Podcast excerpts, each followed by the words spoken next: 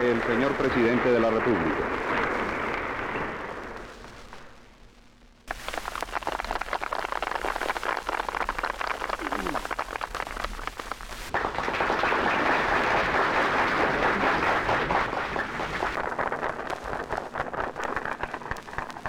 A buenos entendedores, con muy pocas palabras, paz, paz, paz.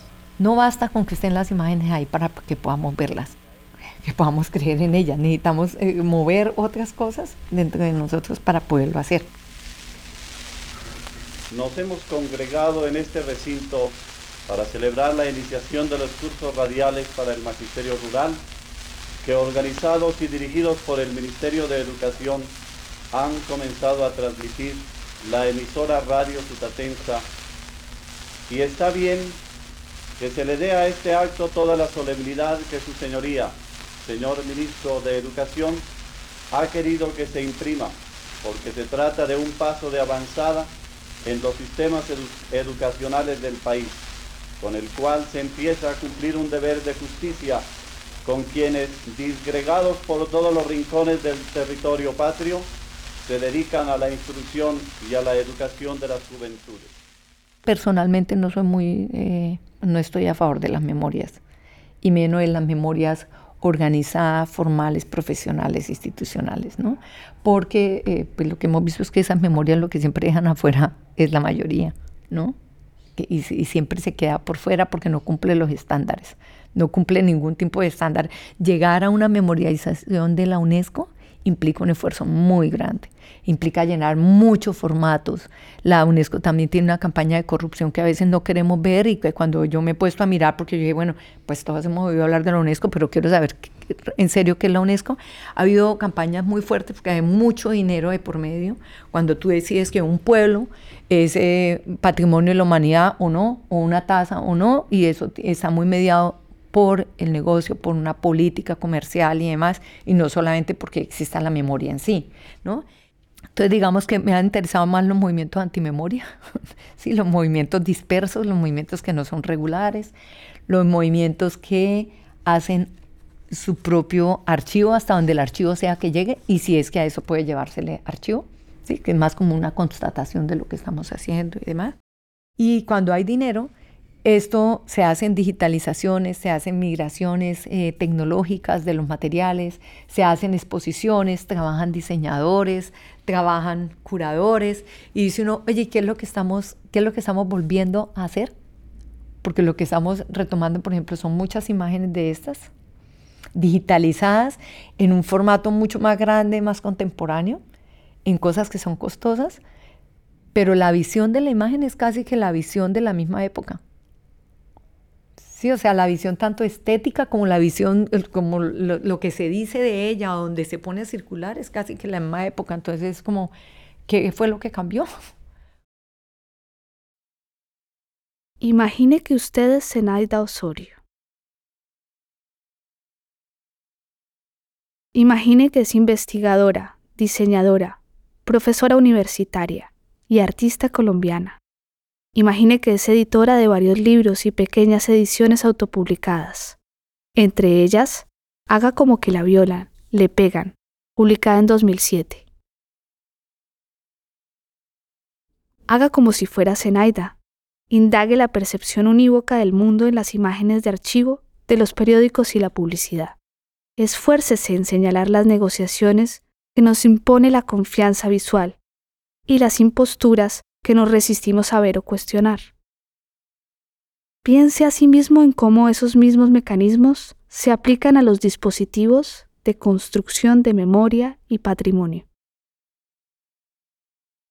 Piense en Colombia y párese a observar el caso de Radio Sutatensa, un programa de alfabetización del campesinado en el Valle de Tensa, iniciado en 1947, cuyo exhaustivo archivo documental se conserva en el Banco de la República de Colombia y que recién ha entrado a formar parte del programa Memorias del Mundo de la UNESCO.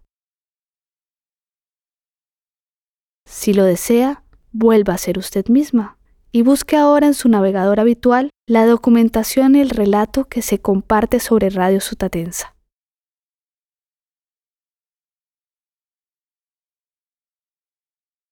Ahora vuelva a ser Zenaida Osorio y metas en el archivo físico de Radio Sutatensa y escrutine sus documentos, por delante y por detrás, con el objetivo de dar a conocer las partes de este que las instituciones que ahora lo gestionan y celebran hacen como que no están. Ponga en duda el carácter espontáneo de las escuelas radiofónicas promovidas por Acción Popular Cultural. Haga como que no entiende por qué la radio sutatensa es considerada la primera radio comunitaria de Latinoamérica haga como que no entiende por qué es más importante que otras memorias urgentes. Fíjese nuevamente en las imágenes de archivo, en el extraordinariamente exhaustivo archivo fotográfico de la ACPO, que conserva todo lo que fue publicado y todo lo que no. Fíjese detenidamente en los campesinos que aparecen en las fotos, sus posturas, atuendos, gestos. Busque las diferencias, Ahora compare ese campesino que todos queremos conocer con el retrato de, por ejemplo, la popular serie Narcos. Haga como que es colombiana y piense en la imagen de país que más le conviene. Ahora haga como que es la voz neutra de la radio web MACBA. Cambie de registro, hable lentamente, sugiera las ideas a modo de nube de conceptos. En este podcast, Zenaida Osorio hace una lectura crítica de las representaciones del campesinado en el archivo y relato oficial de Radio Sutatensa. A partir de este caso de estudio, Zenaida reflexiona sobre el contraste de las imágenes de país, Colombia para el caso, que las redes de funcionarios oficiales, productores visuales e investigadores académicos consideran legítimas. Hablamos con Zenaida de la diferencia entre imagen y memoria, de guerras contra el analfabetismo que pueden leerse también como guerras contra el comunismo, de archivos que gustan mucho, de imágenes que no gustan tanto, movimientos antimemoria, exposiciones y derroche de entrecomillados, Vivaldi, ruanas, mulas con transistores al lomo, la promesa de lo íntimo y otros dispositivos para construir vínculos con lo real.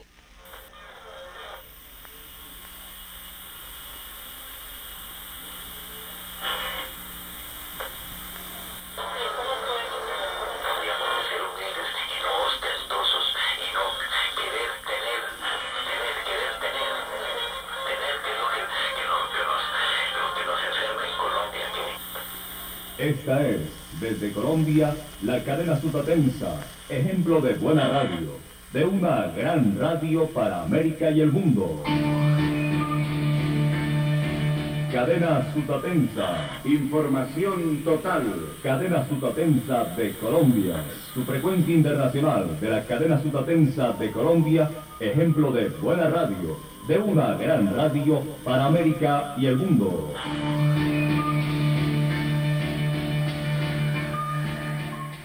Sutatensa es un pueblito pequeño en Colombia que se dice que queda en los, en los documentales de Radio Sutatensa se dice que es un, pueblito que queda en la nada, que queda muy alejado. Eh, es un, pueblito que sigue siendo pequeño, es el Valle de Tensa y ahí quedaba, ahí empezó a funcionar la, la, radio. La Radio Sutatensa es una iniciativa de una organización más grande que se llamó Acción Cultural Popular. ACPO es una entidad religiosa, religiosa católica. Y una de sus, eh, digamos que su principal iniciativa fue la de Radio Sutatensa. Pero digamos que en el 94 terminó ese ACPO que conocíamos, el ACPO famoso, el ACPO reconocido por las la radioescuelas de Sutatensa. El programa de las radioescuelas de Sutatensa estaba dedicado a una alfabetización de campesinas y campesinos adultos. Y eso es lo que se recuerda hoy día. De las compilaciones que se hicieron, acá estoy viendo para celebrar los 60 años de un sueño. Así se habla de este proyecto, los 60 años de un sueño, de enseñar, eh, eso hace 10, o sea, ya van 70. Y el sueño, según lo que dicen quienes lo estudian, es enseñar a leer a los campesinos y sacarlos de la ignorancia. Ese, ese, era el sueño desde 1947 pero parece que siguiera siendo el sueño de quienes hoy hablan de esa campaña. Todos los archivos de Sutatensa llegan en el 2003, llegaron a la biblioteca Luis Ángel Arango, que es una biblioteca del Banco de la República. Y a partir de ahí han hecho exposiciones el Museo Nacional, que como su nombre lo dice, pues es nacional, es la entidad nacional, eh, la Biblioteca Luis Ángel Arango, que también ha hecho otra exposición, eh, Señal Memoria o RTBC, discos y las coplas y todo el mundo sonoro que han recopilado. Todas estas instituciones le han apostado todo a, ok, esos documentos tenemos que tenerlos.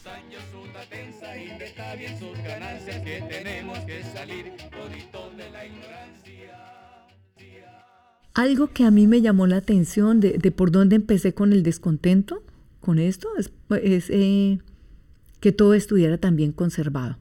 Porque en América Latina, pues México, Ecuador, Perú, esta idea de la conservación, del archivo, eh, es cierta idea de la historia que es muy común en Europa, de guardar y mantener no es lo común.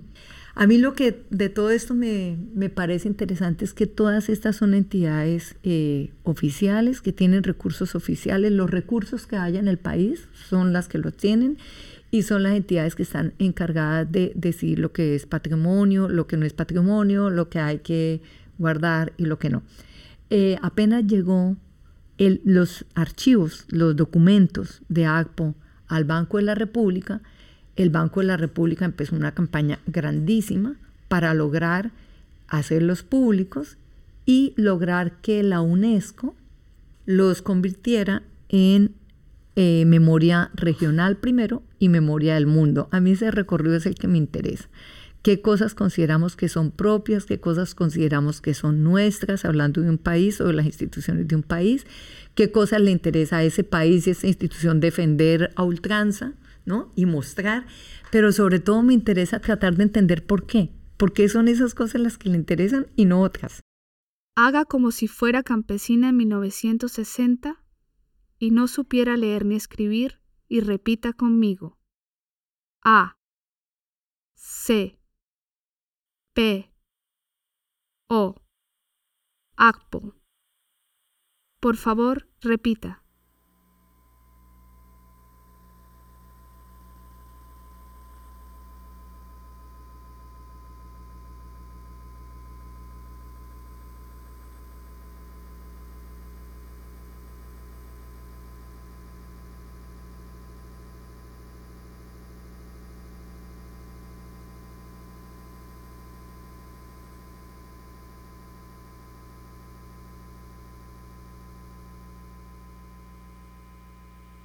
Cuando yo empecé a mirar los documentos, de las frases que más oía de mis colegas, eh, compañeras de la universidad, era, ay, mire cómo tienen de guardada la correspondencia de su tatenza, toda la correspondencia. Es que no había un campesino que no escribiera al que no se le contestara. Empezaba a oír estos comentarios de qué cantidad de cartas y mire, ahí vamos a poder conocer los campesinos de verdad, porque hay la promesa de eso de lo íntimo, ¿no? Que en la carta se iba a ver el campesino de verdad, el alma de verdad, aquello que se, nos escapa de esos otros.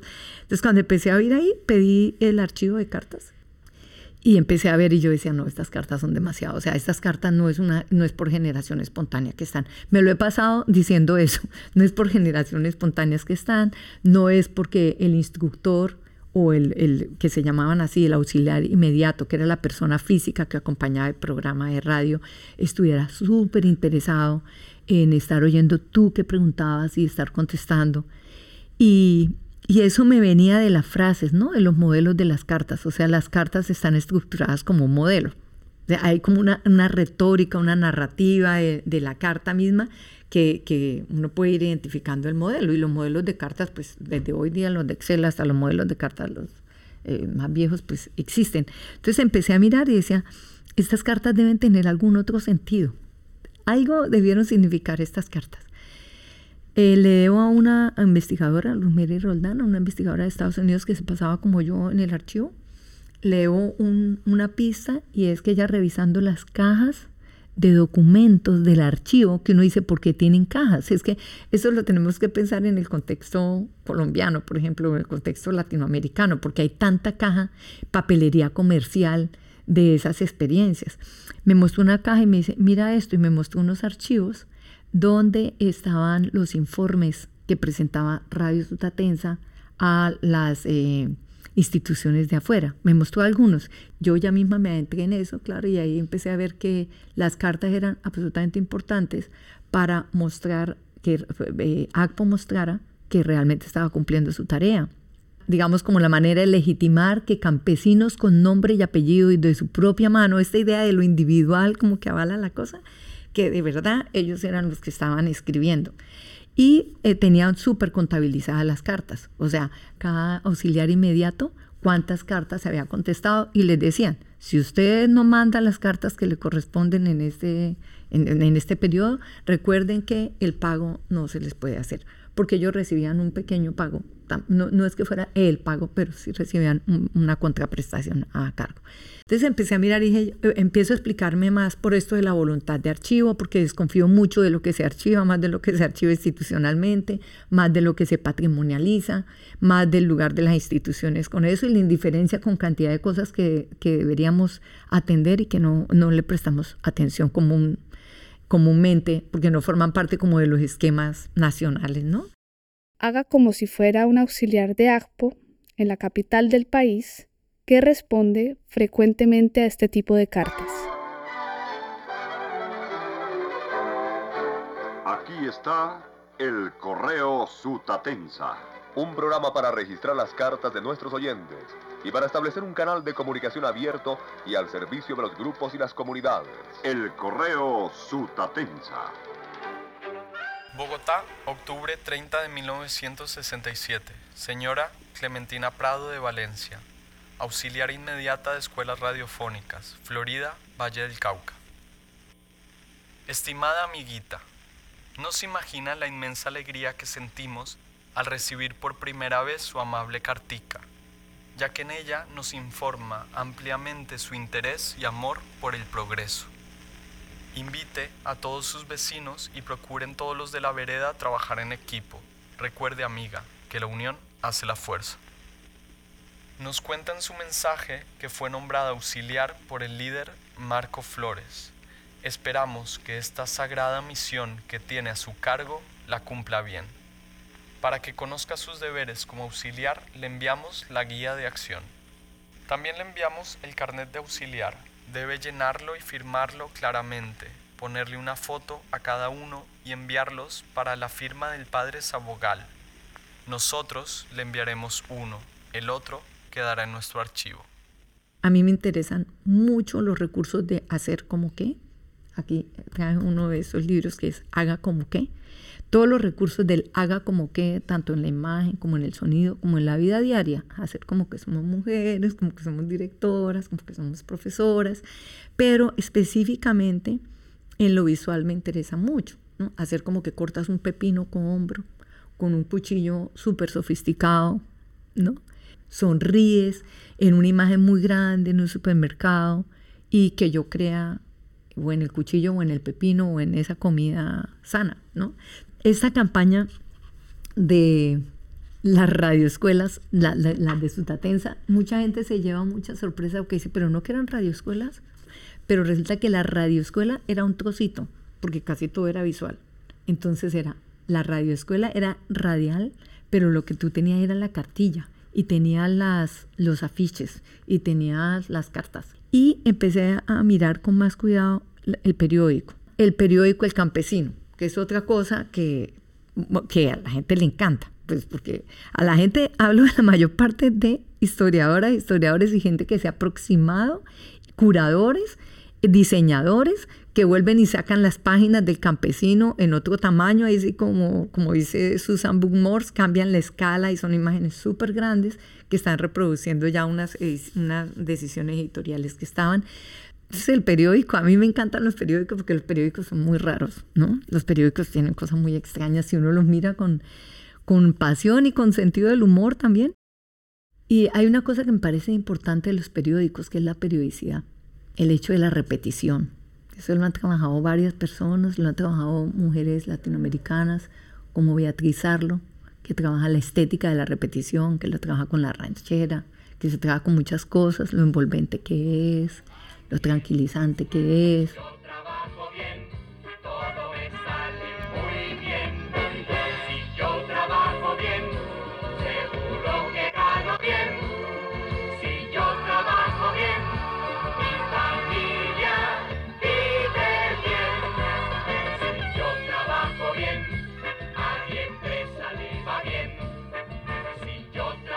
hay una imagen que a mí me, me toca mucho y es la imagen del campesino lector tomando café y fumando pipa.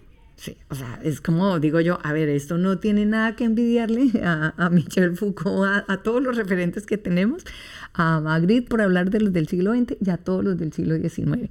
La escena de la lectura masculina en la casa, de un hombre que lee el periódico, pero entre tanto toma café, que es una cosa muy del XIX, los grabados y la pintura, y que fuma pipa y casi que las volutas de la pipa lo rodean, pues que fue una de las cosas que, que llegó al cómic, ¿no? esa voluta de la pipa que, rodeaba todo. Y decía, yo me imagino a los campesinos, yo imagino a los campesinos de Sutatensa y a los campesinos de, distintos lugares del país en esa escena de lectura. Entonces tenía desde estos hombres que dicen mi café y mi periódico, mi café y mi periódico, entonces leo el campesino y un campesino con ruana, como debe ser un campesino en el imaginario, ¿no? Campesino con ruana. Hasta mujeres campesinas tejiendo crochet y leyendo en el periódico El Campesino cómo tejer crochet. Entonces yo decía, eso sí es un acto de ficción. Yo ya me imaginaba en este pueblo eh, mandar a los fotógrafos, mandar una campesina que probablemente es la primera vez que ve todos esos equipos, ¿sí? Y decirle, venga, vamos a tomarnos la foto, vamos a hacer la sesión fotográfica, de tomarnos la foto y usted haga como que lea, hace como que hace crochet, es que lo del crochet me, costaba mucho, eh, y vamos a tomar la foto. Entonces empezaba a mirar el periódico, el periódico de Sutatensa duró, ha durado muchos números, o sea, lleva desde 50 y, 40 y pico, 47, 50 más o menos, hasta ahora sigue saliendo el periódico de Sutatensa. Entonces es, y la idea del campesino, ahí casi que vemos el campesino, pero vemos el campesino con todas las instituciones que han considerado lo que es bueno para el campesino, lo que es conveniente para el campesino, lo que no es deseable para el campesino, los préstamos para el campesino y aparecen, de, verdad las campesinas aparecen de manera importante, como en los periódicos convencionales, que al principio había unas hojas para las campesinas, y aparecen mucho las niñas y los niños. Entonces ahí fue donde empecé a mirar y decía, realmente, si uno presta un poquito de atención, son patrones de lectura, son patrones, son fórmulas de mostrar cosas, ¿no? Que eh, eso también me parece interesante. Como saber cuáles eran esas fórmulas, por qué fueron eficaces, eso no le quita ninguna validez a que se hubiesen usado. Me parece que, que se nos escapan a veces cuando miramos de verdad los proyectos de Sutatensa por estar pensando en historias nacionales y excepcionales de que aquí se hizo por primera vez. Haga como si fuera de nuevo un auxiliar de ACPO en Bogotá que lee una noticia del campesino del 10 de marzo de 1974 para la radio. Escuche los hechos más importantes de la información nacional e internacional con el cubrimiento serio y dinámico del noticiero Sutatensa. Hernando Chávez Herrera se retiró del campesino. Días pasados, y luego de 10 años de servicios continuos a la causa cultural de los campesinos, se retiró de este semanario en donde ocupaba el cargo de fotógrafo el señor Hernando Chávez Herrera.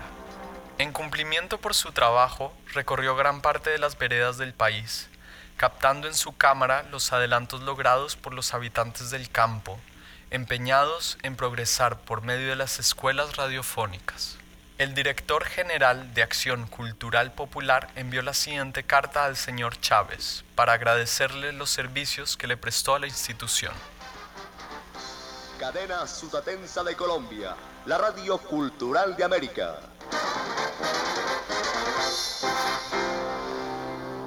Bogotá, enero 24 de 1974. Señor Hernando Chávez, La Ciudad. Apreciado Hernando, dada la condición de su renuncia presentada a la institución, ésta se vio obligada a aceptarla según lo expresado en ella y de acuerdo a su solicitud verbal que personalmente me hizo. En esta oportunidad la institución agradece los servicios prestados como fotógrafo, arte que usted conoce a la perfección y que desarrolla de manera admirable.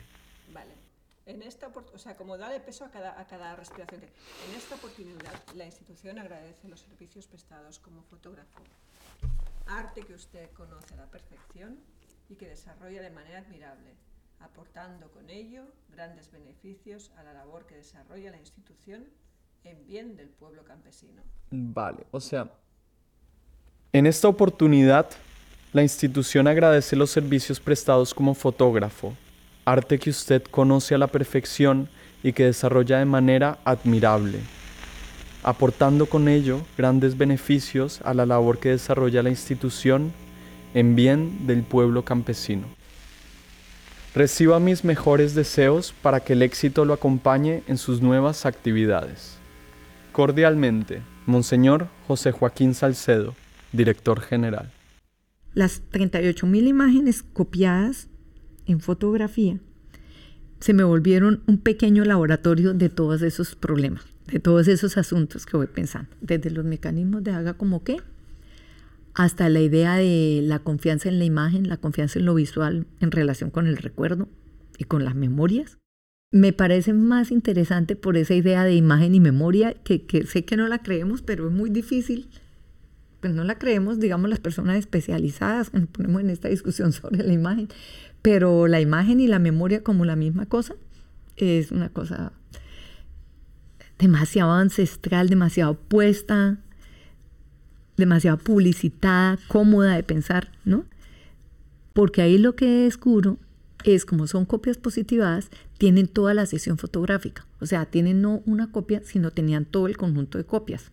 Entonces ahí tú veías o el campesino sacándose espinillas frente a una cámara. O sea, y tú dices, ¿qué, ¿qué hace un campesino? Entonces empecé a organizar todas las copias en una mesa, en mesas de trabajo, para poder ver todas, eso ha sido muy importante metodológicamente, poder ver todas las copias que estaban en la misma carpeta, ¿no? Y empiezo a verla y a, reconocer, y yo digo, esta señora que está allí eh, peinada, yo la vi antes despeinada, ¿no? Antes estaba despeinada, antes estaba con el, con el botón desabrochado y empecé a preguntarme, pues, ¿para qué son todas esas copias? Están buscando, el fotógrafo, en un esfuerzo conjunto, está buscando la imagen propia del campesino. Entonces hay un campesino sucio, hay un campesino ignorante, como dicen ellos, hay un campesino mal educado, que es el que ellos tienen que fotografiar me parecía muy fuerte imaginarme a los mismos campesinos haciendo de ese campesino. Porque ese campesino debía performarse a sí mismo en esas cosas, como decirle, venga, despeínese, muestre los dientes, hay una mostrando los dientes, no, la encía, ¿no? La falta de dientes, más bien. Eh, luego sáquese las espinillas, luego eh, túmbese, haga como que está borracho, ebrio, ¿sí? Haga como que está. Entonces, esa primera parte cuando la empecé a ver, o sea, como acto, decía, le estamos pidiendo a un campesino que se actúe como un campesino que nos imaginamos que no debe ser, ¿no? Porque es el campesino que no queremos, para el que estamos haciendo la campaña. Entonces, es como explicarle al campesino, ok, haga, eh, fórmese así, eh, actúe así, coja el periódico así, tírese allí, desvístase así, bueno, haga estas cosas, pero después hacerle hacer la otra parte porque es esa lógica como del antes y después, que está mediada por las campañas, todas las campañas masivas del, siglo XX. Entonces después aparece el campesino eh, ya vestido, ya peinado, ya mirando a la cámara y sonriendo. El acto de la sonrisa que es tan raro en la imagen campesina, pues porque pues si uno mira las... Eh, si uno está con comunidades campesinas, esa idea de estar sonriendo, que es una cosa tan urbana, ¿no? Y tan urbana como el del siglo XIX, el smile y eso, pero la gente no se lo pasa sonriendo como sonriéndole, ¿por qué? Así en la calle. Pero ahí ya empiezan los campesinos a estar sonriendo. Los campesinos usan el móvil, ¿sí? Y de las cosas que más gusta, por ejemplo, ahorita que estoy trabajando en Tumaco, que es una región del Pacífico, pues de las cosas que más gusta es el reggaetón. Y se oye, y se oye cantidades, pero eso no va como con nuestra imagen del campesino contemporáneo. El campesino contemporáneo, no sé, sigue como oyendo cumbia o bambuco, por, allá algo tradicional como fuera del tiempo, como, y mientras tanto lo mantenemos por allá en otro lado, ¿no? como en un lugar. Amigo lector, Antes de comenzar la lectura del libro correspondiente al estudio Cultiva tu tierra, conversemos unos minutos sobre la agricultura. Todo eso me, me, me llevó a pensar, por un lado, a entender por qué nos gusta tanto ese archivo. Esa hay una imagen que no queremos, y institucionalmente no queremos y no nos interesa reconocer que es la del narcotraficante. Para nosotros el campesino narcotraficante no existe. Y no es campesino además, porque nuestro campesino llora y le hace la guerra a la ignorancia. Y se santifica y escribe las letras, pero no nos cabe el otro campesino. El campesino que hace todos los tráficos ilícitos, el campesino que menudea y que, sembra, que es cocalero, que siembra coca, así como siembra yuca. Pero ya sabemos pues, que la coca le da mucho más que la yuca. Las cosas, decir, ese campesino no nos interesa. ¿sí? Y ese campesino que oye reggaetón y que hace fiestas y que va a moto y que no es viejo, que es campesino joven, ¿no? Y que es campesino afro, ese campesino no nos gusta. Entonces ahí fui entendiendo y yo dije, no, pues de alguna manera eh, Sutatensa, tanto el pueblo como el archivo mismo, se ha convertido casi que en el depositario de la imagen nuestra, que si nos gusta, de medio de tanto narcotraficante de periódico y de serie de entretenimiento que queremos no reconocer, pues ponemos esos otros campesinos. Sus ojos valen mucho y un tratamiento vale muy poco en la Fundación BER. Prevéngase con un tratamiento médico adecuado. Consulte oportunamente. Campaña de la Fundación BER y la cadena Sutatensa. Centro Oftalmológico, carrera 13A, número 4101. Hay un dicho que se usa en Colombia o se usaba. Todavía se usa, pero cada vez menos en las ciudades que dice, la ley es para los de Ruana. Y los de Ruana son los campesinos. Entonces, los que cumplen la ley, las leyes son para ellos, los que están obligados a la ley. Si tú eres de corbata o otra cosa, pues no tienes por qué cumplir la ley, ¿no? La ley es para los de Ruana. La idea de la Ruana como una cosa súper temática latinoamericana está en muchos países. Pero ahí encontré una carpeta, porque ahí también me llamaba la atención, que se llamaba Los de Ruana, campesinos de Ruana o la Ruana.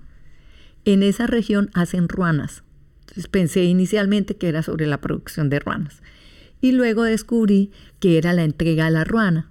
Entonces cuando iba un político famoso como el director de la UNESCO, entonces se le ponía la ruana. Esa, esa idea, casi que el campesino que no tiene nada, lo que tiene simbólicamente para entregar, pero eso es, eso es puro mercadeo institucional, ¿no? Entonces lo que vas a entregarle es la ruana. Y el otro, el otro que es un ejecutivo o un director de, de esas empresas, pues también tiene que pasar por el performance de hacer como que se pone la ruana y bailar con unas campesinas un rato, ¿no? Y entonces esa es la idea como el protocolo de las cercanías. Estos señores entregándole la ruana, vistos por la ruana al director de la UNESCO, y luego el director de la UNESCO poniéndose la ruana y bailando con una campesina un rato. Pero lo que yo mientras tanto pensaba, además de llevar todos los objetos, así como nosotros venimos aquí con todos los elementos para la escenografía, es además todas las indicaciones y el hecho performativo, que sea el mismo ruano, el mismo eh, campesino, el, que, el que tenga que actuar la imagen del campesinado, la imagen visible del campesinado, ¿no?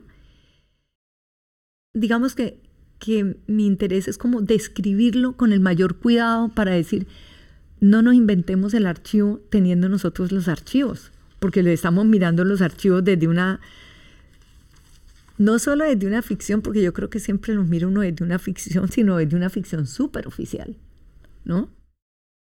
Haga como que es una campesina que escribe una carta personal dirigida a un médico de ACPO.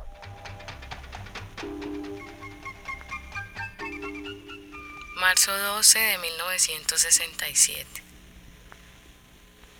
muy estimado doctor, por medio de esta me permito enviarle un saludo muy atento con mis mejores votos por su completo bienestar. Quiero rogarle al doctor el favor que desde luego le sé agradecer. Si le es posible decirme por medio de cartas si conservo virginidad o no, pues no he tenido contacto con ningún hombre. Yo cometí el más grande disparate de introducir dos dedos varias veces. No sentí ningún dolor ni hubo sangre y no sabía que eso era malo. Lo hice por curiosidad. He sufrido moralmente por la pena de haber hecho semejante cosa tan baja, y me tiene muy preocupada pensando qué tal si perdí la virginidad. Quise ir donde una amiga para que me hubiera contado y hablar lo presente. No he podido resolverme ir porque no soy capaz de contarle, pues esto es muy penoso y pienso de que tal vez el médico tendrá que practicarme algún examen y mejor es no ir. Soy soltera de 45 años de edad y este acto lo ejecuté hace unos 7 años y todavía estoy preocupada. ¿Me puede enviar al socorro de esta dirección? Calle 14 16 20. En espera de su muy digna respuesta me suscribo a usted. Atentamente agradecida, Rosadelia Mora. Podata. Le ruego al doctor el hecho de perdonar el abuso que he hecho de su confianza. La UNESCO es la que de alguna manera promueve todas estas cosas en 1947, ¿no? Es la que las hace. De hecho, estaba mirando que había el año exacto de fundación de la UNESCO.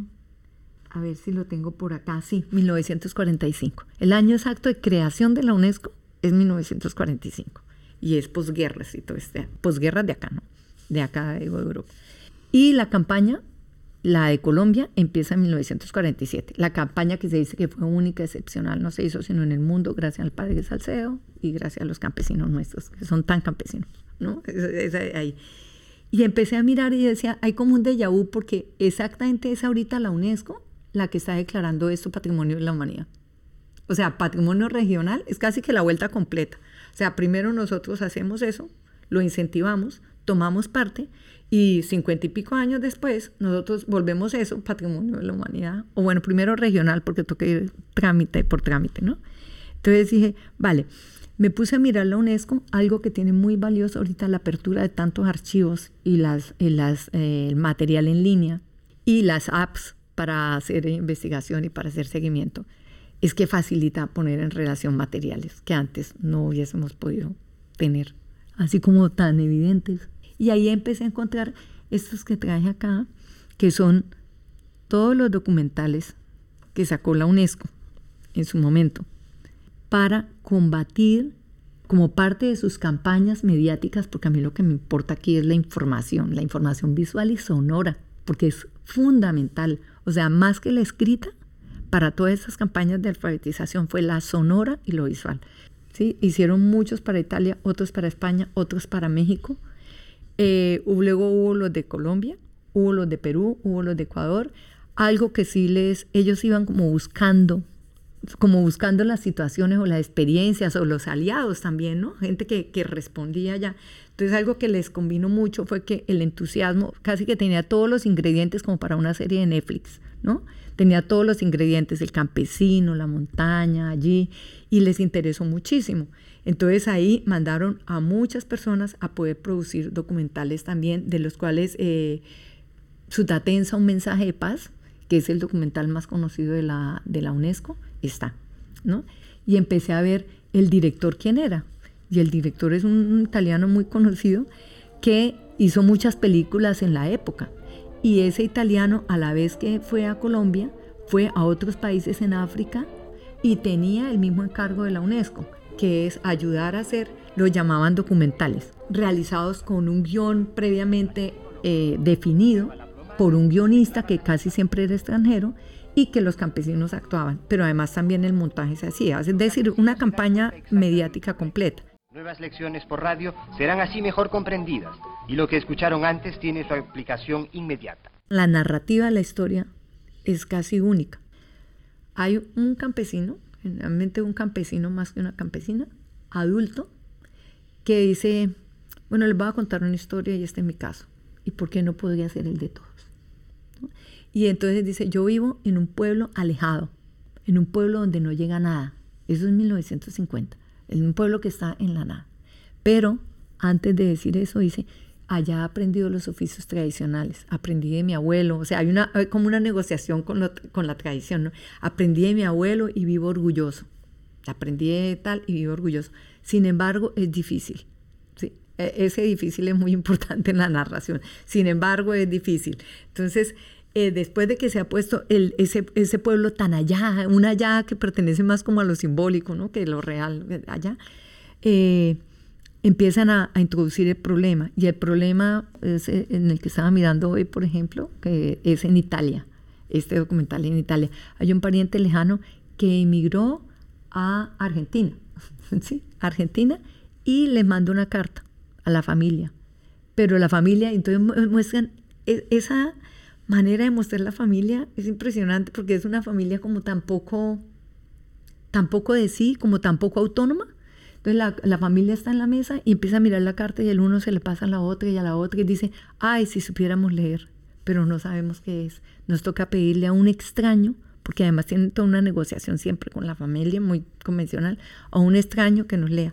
Buscan a una extraña que le lee y les dice que el inmigrante les envió dinero desde Italia y que el dinero está en la, en la oficina postal. Van a la oficina postal las mujeres. Son cantidad de problemas. Entonces dice, mm, primero decir en público que usted no sabe leer, pero luego todo el mundo se entera y luego le toca firmar, pero usted tampoco sabe firmar. Finalmente firma y recibe el dinero que le dieron por, pues que mandó el hijo, el hijo que estaba en Argentina. Se devuelve y camino a casa, y eso me hizo acordar de Pinocho, de todas esas leyendas de lo que pasa en camino a casa, ¿no? Camino a casa se encuentra una vecina y la vecina le dice, a mí me pasa lo mismo, pero hay que ir a las escuelas populares, que allá enseñan a leer, que son para adultos. Y entonces empiezan las mujeres a ir a las escuelas populares y aprenden a leer y luego le enseñan a los hombres. O sea, hay un sentido ahí de órdenes tanto de edades como de género y demás, le enseñan a los hombres. El último en aprender es el padre, que se siente humillado, porque los otros se burlan. El padre es el que presenta el documental. A mí me pasó esta historia, ¿por qué no hace usted como yo? Entonces muestran ese momento de rechazo del padre, que los hijos le están enseñando cosas y demás. Lo muestran yéndose a la plaza, pero de pronto y repentinamente él toma conciencia de que sí, debería ir también a la escuela y va a la escuela y todos son felices y leen, ¿no? Esa es, esa es una. Pero en casi todos los documentales, digamos que la historia es la misma, es una sola historia. Es, vivimos en un lado, vivimos en un lado apartado de todo y todo es lo otro, ¿sí? Pero hemos aprendido cosas tradicionales y estamos en familia y lo otro va a venir y no va a dañar ni la familia ni lo tradicional. Y lo otro pasa por leer y por escribir, pero eso va a mejorar nuestro nivel de vida. Están muy bien hechas, cinematográficamente están muy bien hechas. El sonido creo que les va a interesar muchísimo. es un popurrí de músicas que suponen locales. O sea, eh, eh, eso que se decía en las series de televisión de los años 50, que decían, no, pues creen que España es solamente olé, ¿no? O creen que tal, que México es solo ranchera, o que Colombia es solo bambuco. Pues en estas está eso. Entonces ponen las músicas que se consideran de fondo tradicionales, pero hay cosas que he hecho, por ejemplo, haciendo seguimientos con Chazán y demás, que casi siempre al final de, la, de los documentales, cuando ya han aprendido a leer y a escribir, y son cultos, están oyendo Vivaldi o están leyendo Bach. Hoy, esta música clásica, mis queridos campesinos pueden oírla ustedes a través de la radio. Por eso, mis queridos amigos, a escucharla con toda atención, porque la música deleita el espíritu, aplaca las pasiones y acerca el alma a su creador.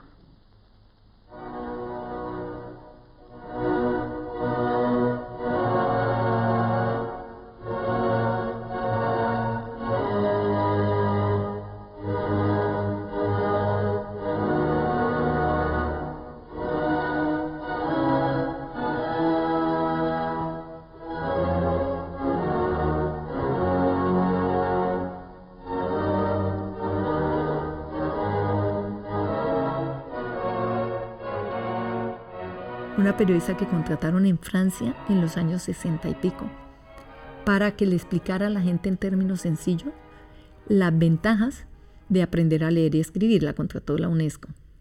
Y me parece que ella es bastante independiente y una de las cosas que dice en el momento es que le preocupa mucho que se le esté dando a la gente la promesa de que leyendo y escribiendo va a vivir mejor. Cuando cada vez más la gente está leyendo y escribiendo y sabe que no está viviendo mejor. Y ella lo dice en ese momento, dice, me preocupa mucho porque eso puede ser todo el efecto contrario de la gente frustrada leyendo y escribiendo. Lo, lo, dice claro ahí, lo dice en las recomendaciones. Dice, por un lado está favoreciendo un mercado de consumidores que tienen que ser letrados, pero no es cierto que se pueda responder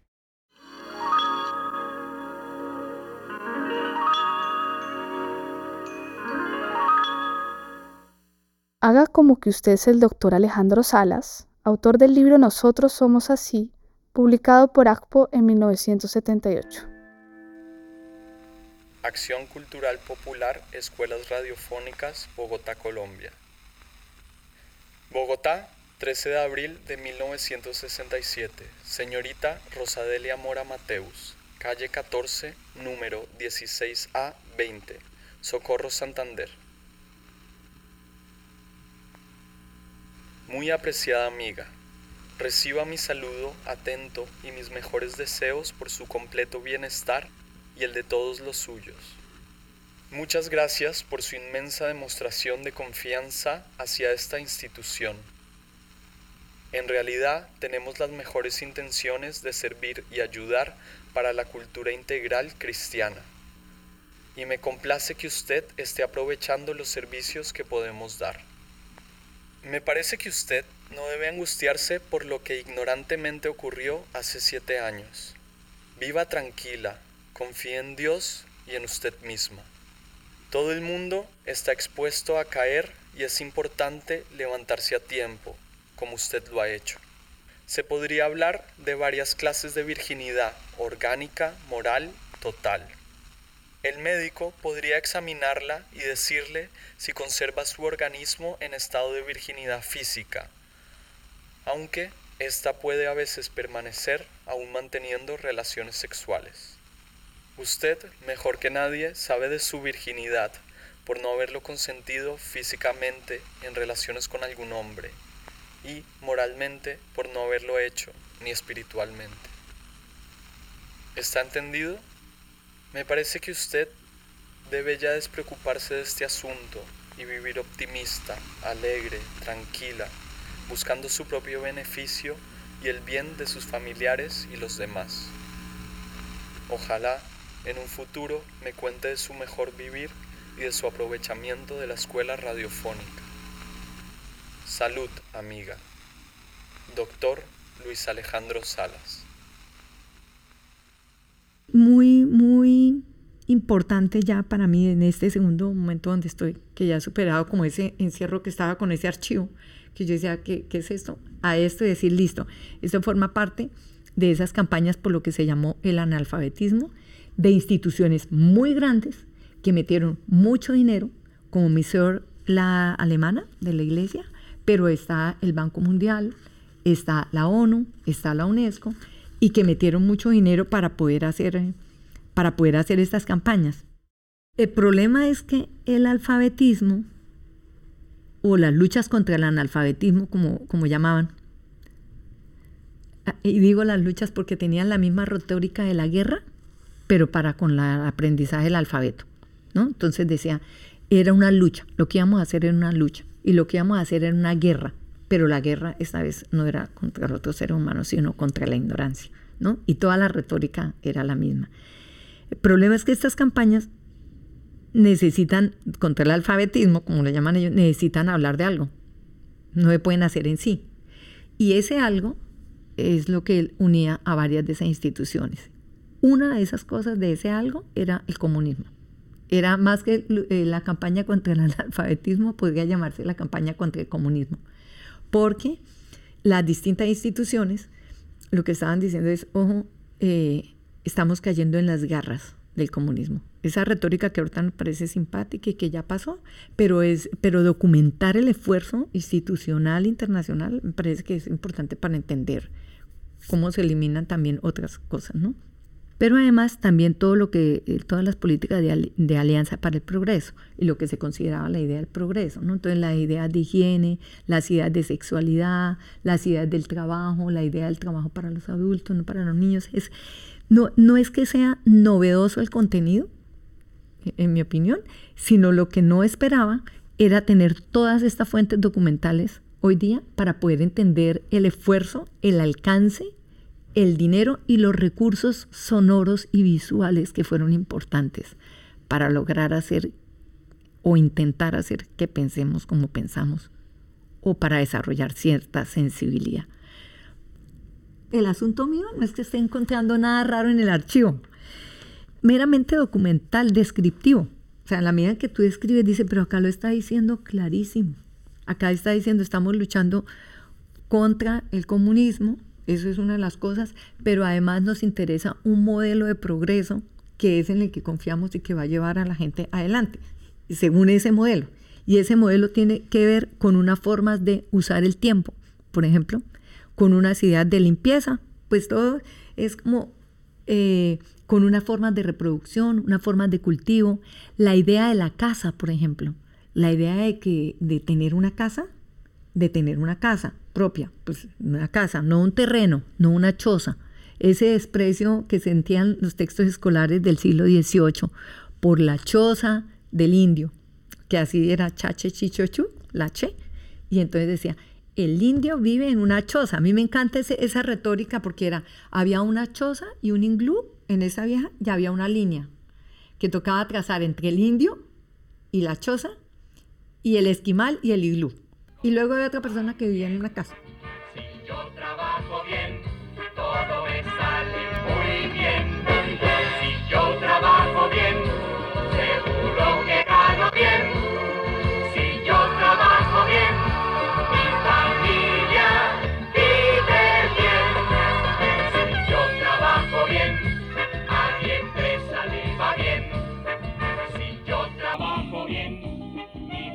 Haga como si le tomaran una fotografía para la radio web Magba mientras escucha este programa.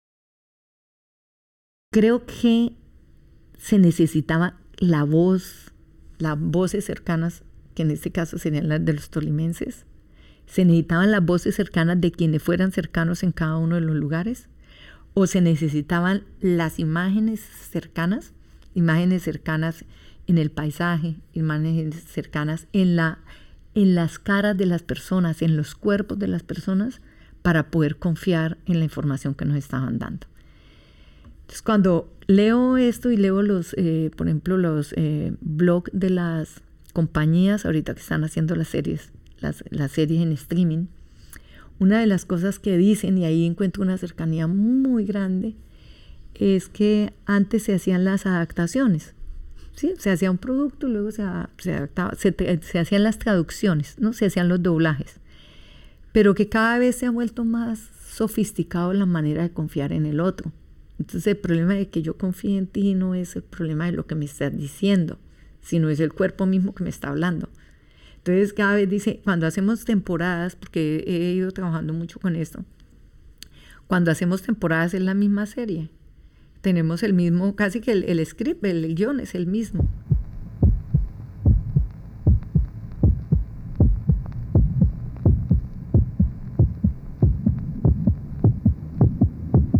La droga destruye tu cerebro.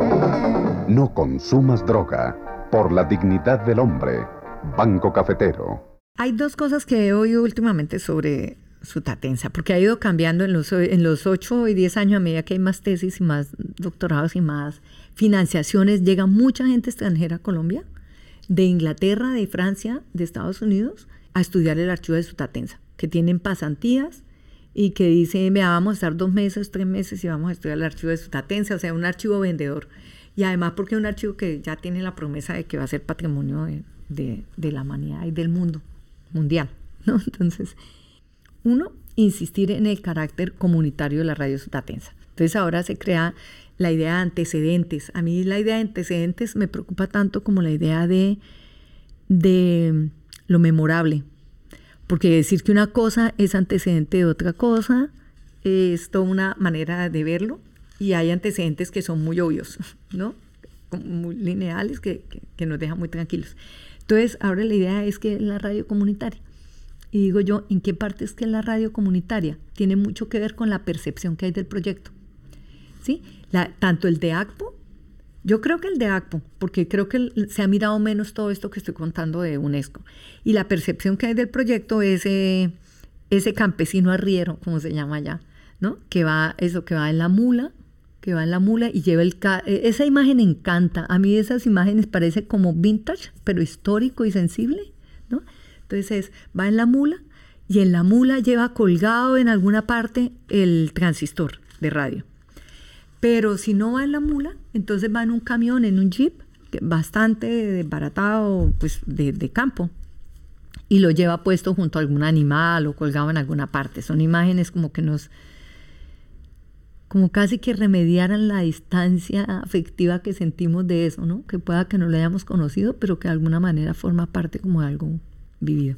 Entonces esa imagen del comunitario también se traduce en otra imagen, que es la imagen de grupos de 15 y 20 personas debajo de un árbol. Esa imagen la he encontrado muchísimo en Sutatensa, pero luego que le hice el seguimiento en la UNESCO, o sea, debajo de un árbol en Ghana, debajo de un árbol en Italia, eh, debajo de, un árbol en Perú, en México muchísimo. En los países, en distintos países africanos, siempre están debajo de un árbol y en el árbol tienen amarrado el tablero. Pero es la idea de toda la comunidad está ahí participando en ese momento. Y es una comunidad de mentiras, ¿no? Es una comunidad estable, armónica, se quieren, todos están reunidos un poco porque quieren aprender a leer y escribir. Es una comunidad sin conflictos, ¿no? O sea, tú los ves ahí sentados eh, ordenadamente, sentados en las mismas sillas, en círculo, parece como un, el aparecen las salas de, los, de conferencias de hoy en día, pero en vez de tener el proyector de diapositivas o el videobin, lo que tenemos es el árbol y en el árbol el tablero, ¿no? Es como esa imagen.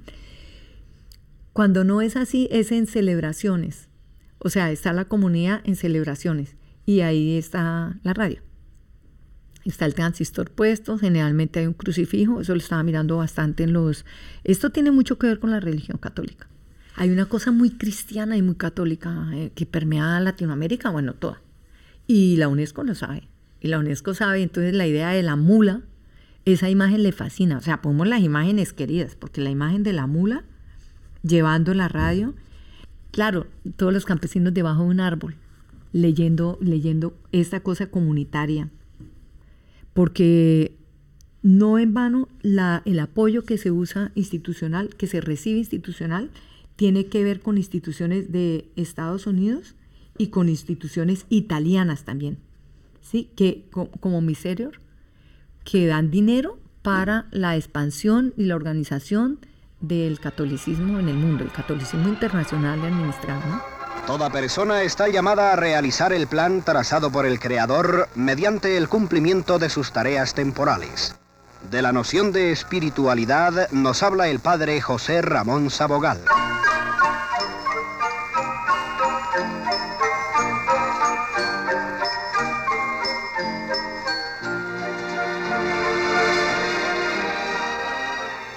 nosotros estamos llamados por Cristo nuestro Señor a anunciar a otros el Evangelio. Sin excepción, nosotros tenemos que anunciar el Evangelio, sin excepción de lugar o de tiempo, de circunstancias. Un remedio para la procreación irresponsable, es decir, para que no haya más seres abandonados, deberá consistir en una educación correcta, en una comprensión total del comportamiento sexual, en los derechos de los hijos. La decisión de tener o no tener hijos debe ser tomada con inteligencia y serenidad por los esposos.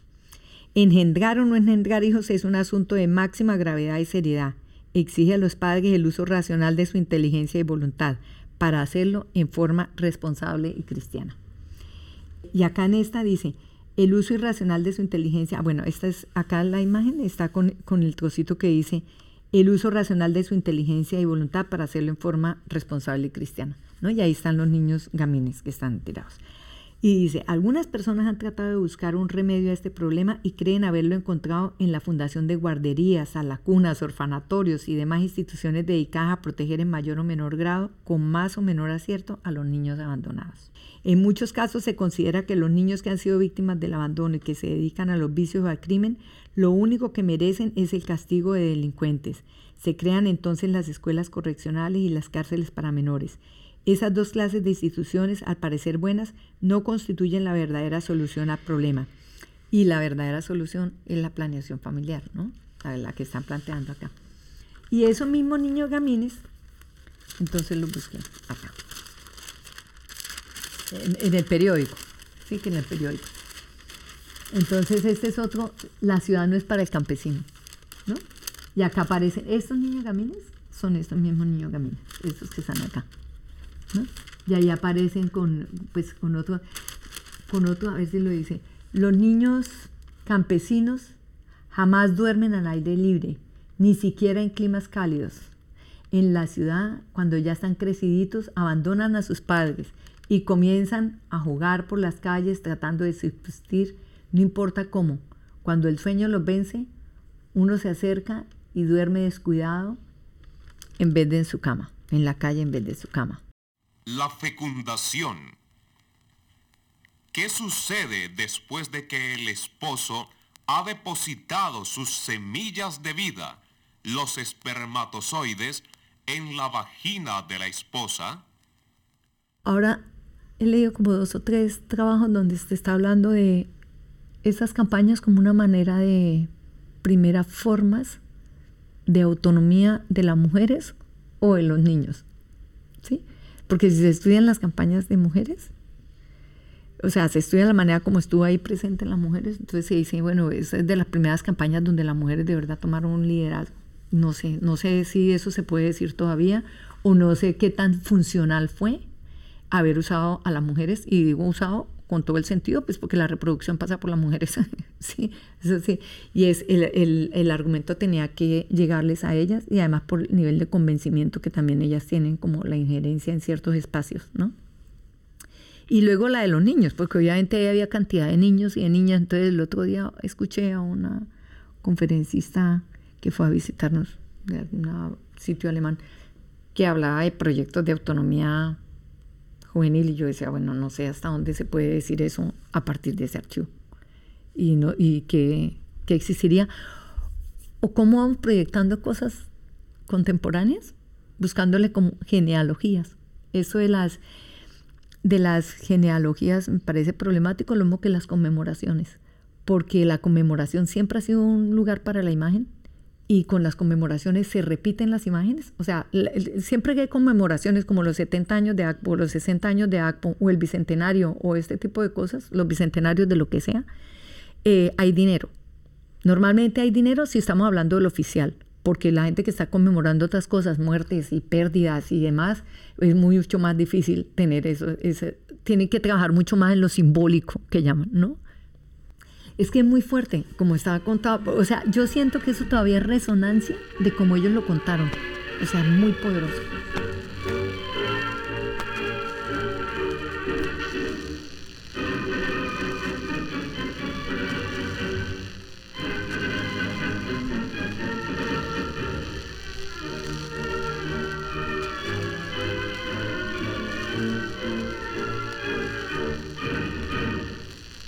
Habla el doctor Alberto Lleras Camargo, presidente de la República de Colombia. Compatriotas. Hace poco tomé un taxi para ir a la universidad. Salieron unos señores con pinta de extranjeros con su maleta y el taxista que ya había parado me abandonó y se fue y tomó a los otros y yo, ok. Y luego vino un señor que parecía ahí, no sé, venido de dónde, y me paró y me dijo, me parece el colmo lo que acabo de ver. Pero esto era meterse como en un taxi, no sé, como en un taxi hippie de los años 70, una cosa súper extraña dentro del taxi todo. ¿Para dónde va? Para la Universidad Nacional. ¿Cuál es el dial del emisor de la Universidad Nacional? Le yo, no me lo sé. Qué vergüenza. Dice, no, a mí una persona que trabaja en la Universidad Nacional y no se sepa el dial de la emisora, que es una de las mejores emisoras, y yo, no, no, no lo sé, lo siento. Cuando íbamos llegando, el señor me dice, ¿y usted qué hace? Entonces le dije, no, yo soy profesora de tal cosa. Me dijo, no, pero ¿qué hace hoy? ¿Qué, qué es su día hoy? Me dijo que Te le dije, no, yo hoy voy a trabajar sobre Sutatensa con mis estudiantes. Eh, sobre Radio Sutatensa, ¿usted conoce? Y el señor paró el taxi, y paró el taxi y me dice, claro que conozco. Entonces le dije yo, ah, pues, ¿y por qué paramos? Porque me paró el taxi. Y yo le estaba diciendo eso, el señor estaba llorando. Entonces le digo yo, ¿qué pasó? Dijo, yo conozco Sutatensa, yo fui el niño Sutatensa. Entonces le dije, ¿en serio? Entonces sí, faltaban como dos minutos para la universidad. Me dijo, sí, yo fui el niño Sutatensa. Y lloraba. Entonces le dije yo, ay, pues mira, eso es, mucha casualidad. Y además nosotros estamos buscando personas, pues en este caso los fotógrafos, pero que haya estado en Sutatensa.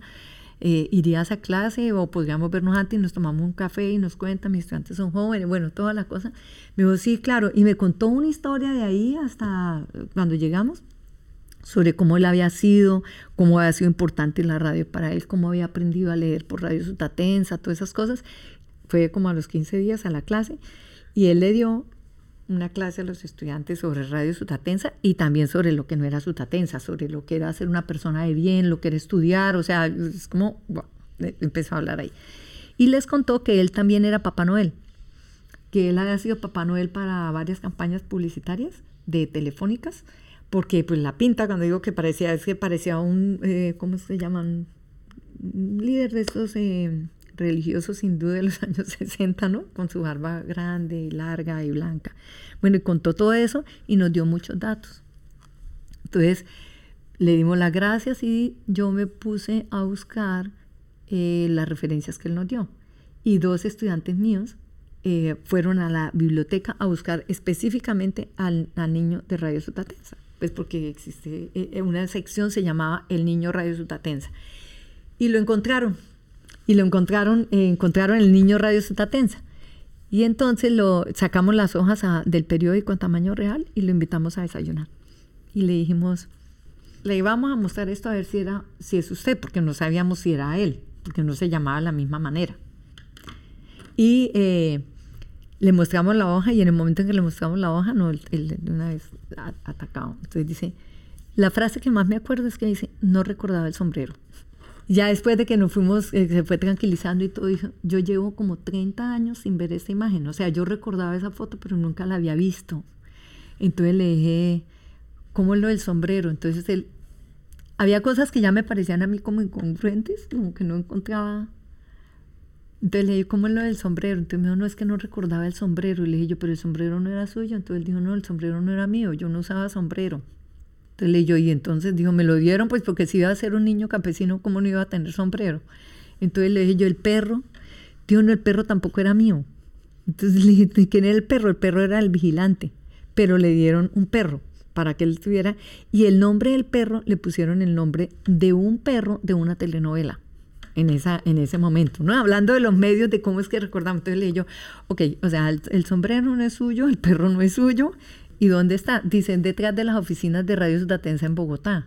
Le dije yo, pero usted no aprendió a leer en Sutatensa, usted me había dicho y el día que fue a clase nos contó la historia, pero es muy bonito esas negociaciones de expectativas de memoria. ¿Usted cree que yo soy eso, yo soy eso y tal? Me dijo, no, yo nunca, yo nunca aprendí a leer en Sutatensa, yo aprendí a leer en otro lado, yo era el mensajero del, de Radio Sutatensa, Editorial Andes, que era donde se producía el material, y yo era el mensajero y él el que llevaba las fotos de un lado al otro. Entonces llevaron y un día eh, faltaban niños de Utatensa porque no había y el fotógrafo no sé qué le había pasado. Entonces me dijeron, venga ustedes, haga ya. Y me hicieron hacer un hoyito y ahí me prestaron el perro y me... todo. O sea, yo creo que es igual de valioso, pero es distinto. Sí, o sea, es igual de valioso saber toda esta información que es distinto a tomar los niños Utatensa como eso que salió. Y digamos que esa anécdota para mí es como simbólica de todo lo que son estos archivos. Pero qué maravillosa casualidad, ¿no? Sí, a mí, a mí me pasa mucho, a mí me pasa mucho con las, con las imágenes, con lo que conozco en imagen, sí, pero esa fue, y lo vi tres, eh, o sea, tres veces, ya vamos cuatro, ya lo vi tres veces y fue, fue importante porque así podemos ir, porque es, es, es mutuo, ¿no? Es mutuo, como que él te lee y él también sabe que su tatenza ya es lacrimógeno. O sea, que su tatensa es como eso. Entonces, también es, es bonito porque está viviendo una ficción, que él mismo la está viviendo y entonces él responde a esa ficción.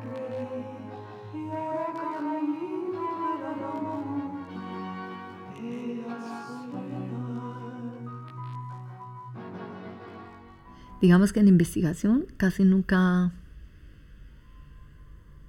casi nunca entrevisto a nadie, casi nunca busco a nadie para preguntarle nada. Pero sí me pasa que me lo encuentro. Sí, o sea, no que los entreviste, no que busque, sino que me los encuentro. Yo creo que, mm, digamos que tengo una desconfianza grande con la con nuestra forma de demostración académica. Sí, porque ese malestar tiene más que ver con, con lo académico, con este repetir formas de demostración y de construir verdades y tal, como tan, como tan distanciado de todo que tenemos en la academia a veces, en cierto tipo de academia. Entonces, digamos que a mí me gusta hablar con la gente, he ido a, he ido a, a pero voy a hablar con la gente hablo, hablo. O sí, como a tomar café y hablar con gente, no sé, del proyecto o de lo que sea, más como por mí, por estar en su tatense, como por entender, como desde la experiencia acercarme al lugar, así se han pasado cantidad de años, no me importa. Y me pasa con muchas otras cosas que hago. Creo que en los últimos años, y eso también tiene que ver con el dinero, y a mí el dinero me importa bastante, el, dinero en, investigación y los recursos para el saber y tal. En los últimos años hablo de finales de los, del siglo XX y de ahorita, una forma de hacer academia es como eso de, que no me gusta tampoco la palabra de revisitar, ¿no? De revisitar los lugares. Eso lo puso muy de moda la fotografía.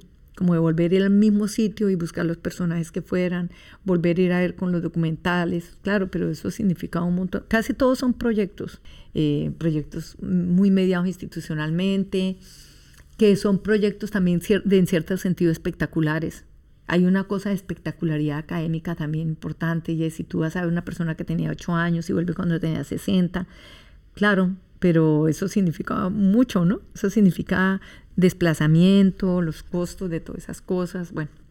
Y, digamos que esa lógica de, de, demostración, de ir a buscar al que vivió la cosa, también tiene como la ficción de que el que vivió la cosa sí sabe la verdad. Como si todavía creyéramos que hay una verdad. ¿Sí? En vez de pensar como en las capas, esto que me gusta mucho como de poner, superponer las capas todas, yo mirando ahí, el señor que también me mira a mí, y entonces los dos hacemos como una negociación que además se vuelve terciaria cuando están los estudiantes, ¿sí? Toda esta cosa de ver cómo vamos armando verdades.